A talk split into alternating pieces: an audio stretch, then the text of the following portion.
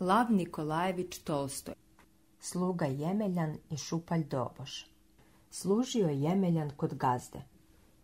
Krenuo je jednom Jemeljan preko livade na rad. Pogleda, pred njim skakuće žaba. Umalo je ne nagazi. Prekorači je Jemeljan. Na jednom ču. Zove ga neko straga.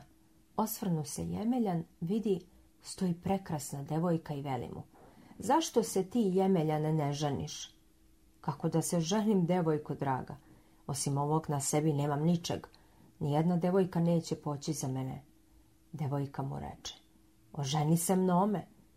Dopade se ljemeljanu devojka.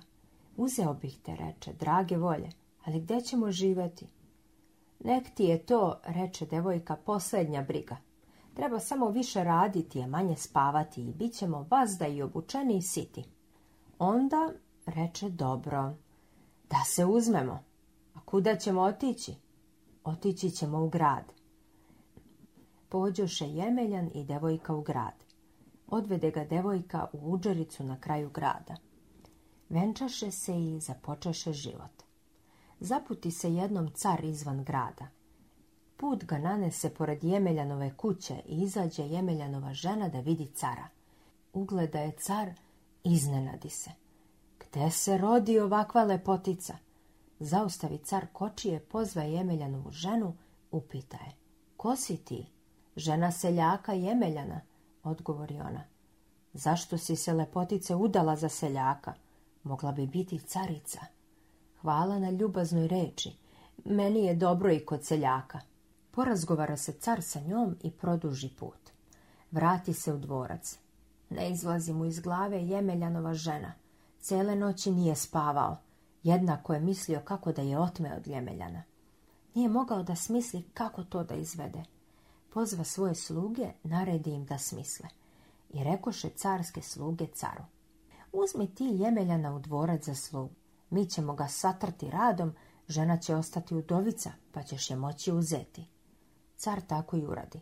Poruči Jemeljanu da dođe k njemu u carski dvorac da mu bude sluga – i da živi sa ženom kod njega. Dođoše glasnici predadoše poruku Jemeljanu. Žena veli mužu, pa idi, danju radi, a noću dolazi k meni. Ode Jemeljan, dođe u dvorac, carski upravitelj ga upita. Zašto si došao sam, bez žene? Zašto da je dovodim? Ona ima svoju kuću. Dadoše Jemeljanu u carskom dvorcu takav posao da bi i dvojica morala zapeti lati se jemeljan posla i nije se nadao da će sve završiti. Kad gle, završi još pre večeri. Vide upravitelj da je završio, dade mu za sutra četvorostruko. Dođe jemeljan kući. A kod njegove kuće sve pometeno, pospremljeno, pet založena, svašta napečeno, skuvano. Žena sedi za razbojem tka, čeka muža dočeka žena muža, prinese mu večeru, nahrani ga napoji, uze da ga pita o poslu. Ma, velio je muž, živa muka. Daju mi posla više nego što mogu da uradim, satiru me radom. A ti, veli mu žena, ne misli na rad, ne osvrći se i ne gledaj napred. Da li si dosta uradio i da li ti je još mnogo ostalo? Samo radi, sve ćeš na vreme obaviti leže jemeljan da spava. Ujutru opet ode. Prijonu na posao nijednom se ne osvrnu. I gle, do večeri sve gotovo. Zavidela dođe kući da noći. Stadoše na jemeljana navaljivati još više posla, pa ipak ga je svršavao na vreme i odlazio kući da noći. Prođe nedelja. Videše carske sluge da teškim radom ne mogu nauditi seljaku. Stadoše mu davati složene poslove – i time mu nisu mogli nauditi. I tesarski, i zidarski posao, i da postavi krov, ma šta mu dali sve je Jemeljan obavljao na vreme i odlazio da noći kod žene. Prođe druga nedelja. Pozva car svoje sluge i veli im. Zar da vas badava hranim? Dve nedelje je prošla, ja ne vidim da ste išta uradili. Htedo ste da satrete Jemeljana poslom, a ja kroz prozor gledam kako on svakoga dana odlazi kući pevajući da niste naumili da mi se rugate. Staduše se pravdati carske sluge. Mi smo, rekoše, svim silama nastojali da ga najpre satremo teškim radom, ali mu ničim nismo mogli doakati. Svaki posao kao rukom odnet i ne zna za umor. Počeli smo da mu dajemo složene poslove. Mislili smo neće moći da izađe s njima na kraj i nismo mu mogli nauditi. Nekako se dovije. U sve pronikne, sve uradi, će da je u njemu ili u njegovoj ženi nekakva čarolija. I nama je dodio. Nameravali smo da mu damo takav posao koji se ne može uraditi. Smislili smo da mu se naredi da za jedan dan sazide crkvu. Pozovi ti Jemeljana i naredi mu da za jedan dan sazide crkvu naspram dvorca. A ako ne sazida, zbog neposlušnosti može mu se odrubiti glava. Posla car po Jemeljana. Pa, veli, Čuj moju naredbu, sazidaj mi novu crkvu naspram dvorca na trgu i dovrši je do sutra uveče. Sazidaš li, nagradit ću te, a ne sazidaš li, pogubit ću te. Sasluša jemeljan carve reči. Okrenu se, krenu kući. Pa, misli, sad mi je došao kraj. Dođe kući i kaza ženi. Dela, spremi se, ženo, moramo bežati kud bilo, inače ćemo na pravdi Boga izgubiti glavu. Što si se tako uplašio? Zašto želiš da bežiš? Kako se veli ne bi uplašio? Car mi je naredio da sutra za jedan dan sagradim crkvu. A ako je ne sagradim, preti da će mi odrubiti glavu. Jedno nam preostaje bežati dok je vreme.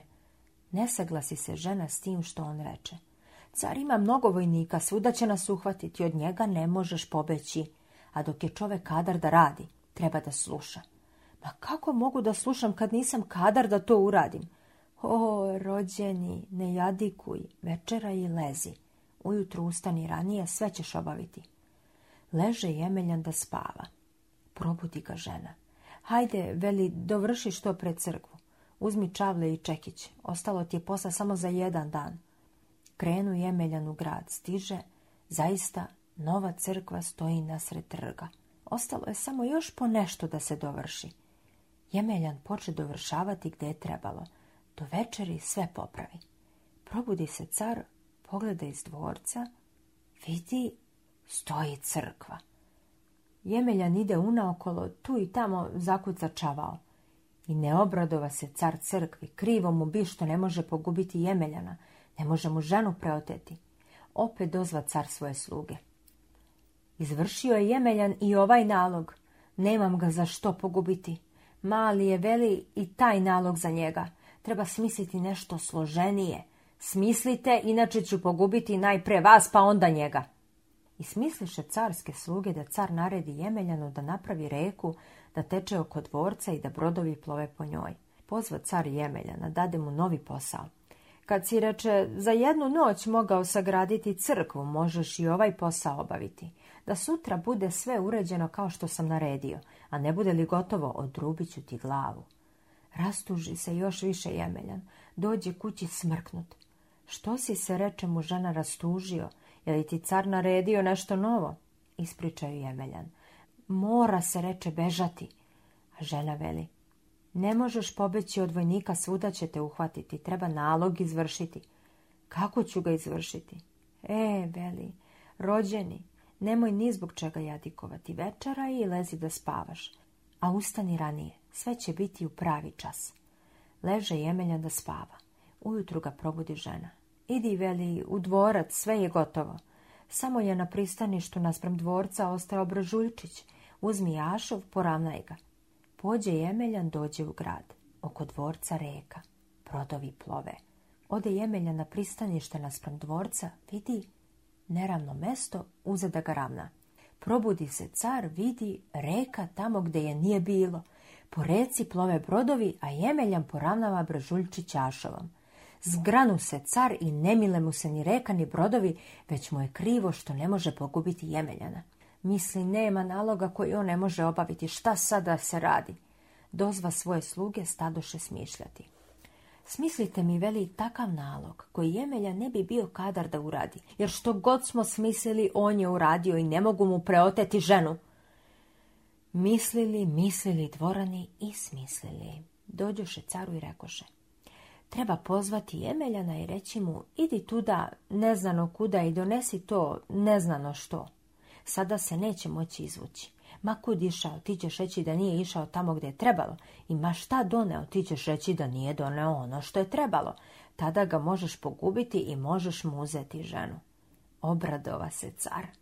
To ste veli pametno smislili posla car pojemeljana i reče mu, idi tuda, neznano kuda, donesi to, neznano što, a ako ne doneseš, odrubit ću ti glavu. Dođe jemeljan ženi i ispriča šta mu je car rekao. Zamisli se žena. Pa veli, naučili su cara kako da sebi smrsi konce. Sada treba pametno raditi. Sedela je žena, sedela, razmišljala i rekla mužu.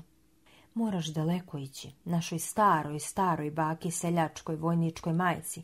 Treba nju moliti. A dobiješ li od nje čaroliju, idi pravo u dvorac i ja ću biti tamo. Sad se od njih neću lako izvući, silom će me uzeti, ali na kratko vreme. Ako sve uradiš kako ti baka kaže, ubrzo ćeš me izbaviti. Spremi žena muža, dade mu torbu i vreteno. Daj joj, veli, evo ovo, po ovome će ona znati da si mi muž. Žena mu pokaza put. Pođe Jemeljan, stiže izvan grada, vidi, vojnici vežbaju. Postoja pogleda Jemeljan. Završiše vojnici vežbu, sedoše da predahnu. Priđe im Jemeljan i upita. Ne znate li, braćo, kud se ide tu da? znano kuda i kako se donosi to neznano što? Čuše ga vojnici i začudiše se. Ko te je, rekoše, poslao da to tražiš? Car, reče on. Eto i mi sami rekoše od početka služenja u vojci idemo tuda, nezano kuda i ne možemo stići i tražimo to nezano što i ne možemo naći. Ne možemo ti pomoći. Posjede jemeljan s vojnicima i krenu dalje. Išao je, išao i dođe u šumu. U šumi koliba. U kolibi stara starica, seljačka, vojnička majka, kudelju prede, plače i prste nekvasi u ustima pljuvačkom već u očima suzama ugleda starica Jemeljana i povika na njega. Što si došao? Pružio Jemeljan vreteno i reče da ga je poslala žena. Starica namah postade pitomija. Poče se raspitivati. I stade joj Jemeljan pričati o čitavom svom životu. Kako se oženio devojkom, kako je prešao da živi u grad, kako su ga uzeli da bude sluka kod cara, kako je služio dvorcu, kako je sagradio crkvu i napravio reku s brodovima i kako mu je sad car naredio da ide tuda neznano kuda, da donese to neznano što. Sasluša ga starica i prestade da plače. Stade da mrmlja sama sa sobom. Vidi se, došlo je vreme. Pa, lepo veli, sedi sinko da se založiš. Založi se jemeljan, a starice mu stati govoriti. Evo ti klopče, zakotrljaj ga ispred sebe i idi za njim kuda se ono bude kotrljalo. Ići ćeš daleko, do samoga mora. Kad dođeš do mora ugledat ćeš veliki grad. Uđi u grad, zatraži da noćiš u kući na kraju grada. Tu i traži ono što ti je potrebno. Kako ću bako ja to prepoznati? Kad ugledaš ono što se sluša radi od oca i majke, to je to grabi i nosi caru.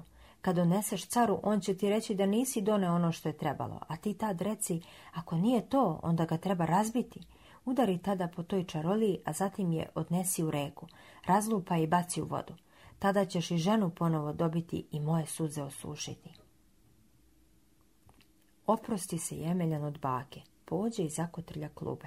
Kotrljao je, kotrljao, dovede ga klube do mora. Kraj mora veliki grad, na kraju grada visoka kuća.